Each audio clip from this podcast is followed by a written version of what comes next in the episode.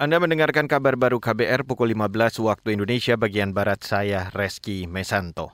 Saudara Badan Pusat Statistik menyebut ada 10 kabupaten dengan nilai indeks perubahan harga tertinggi yang berpotensi menyumbang inflasi selama Desember.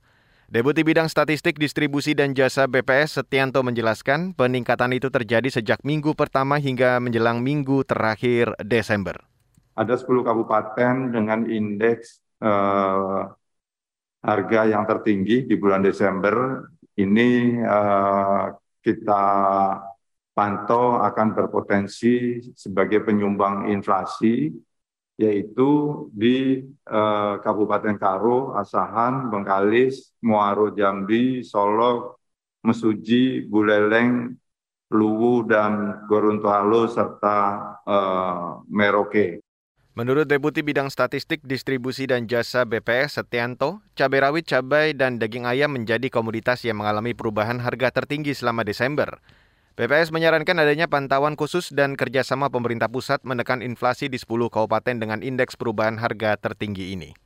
Beralih ke berita selanjutnya, Saudara, Guru Besar Filsafat Moral Romo Franz Magni Suseno menyebut, tidak adanya niat membunuh dan hanya mematuhi perintah atasan menjadi faktor yang bisa meringankan hukuman Barada Eliezer di kasus pembunuhan berencana Brigadir Yosua.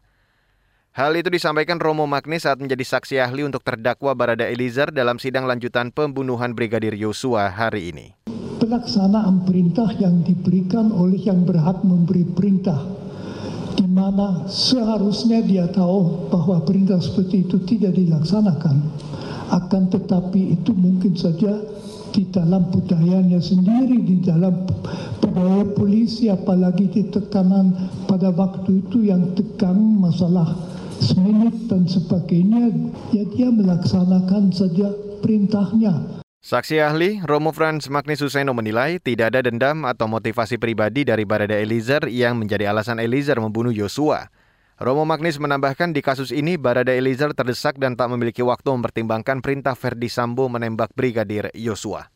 Saudara badai salju ekstrim melumpuhkan Buffalo, New York pada hari Natal, akhir pekan kemarin. Badai salju juga menjebak pengendara dan pekerja penyelamat di dalam kendaraan mereka.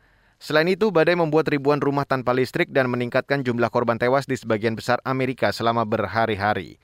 Perhitungan NBC News dikutip dari Reuters menyebutkan, sedikitnya 30 orang tewas dalam insiden terkait cuaca sejak musim dingin melanda negara itu. Sementara CNN telah melaporkan 26 kematian akibat cuaca di Amerika. Pemerintah setempat bahkan memprediksi jumlah kematian akibat musim dingin ekstrim ini kemungkinan akan meningkat.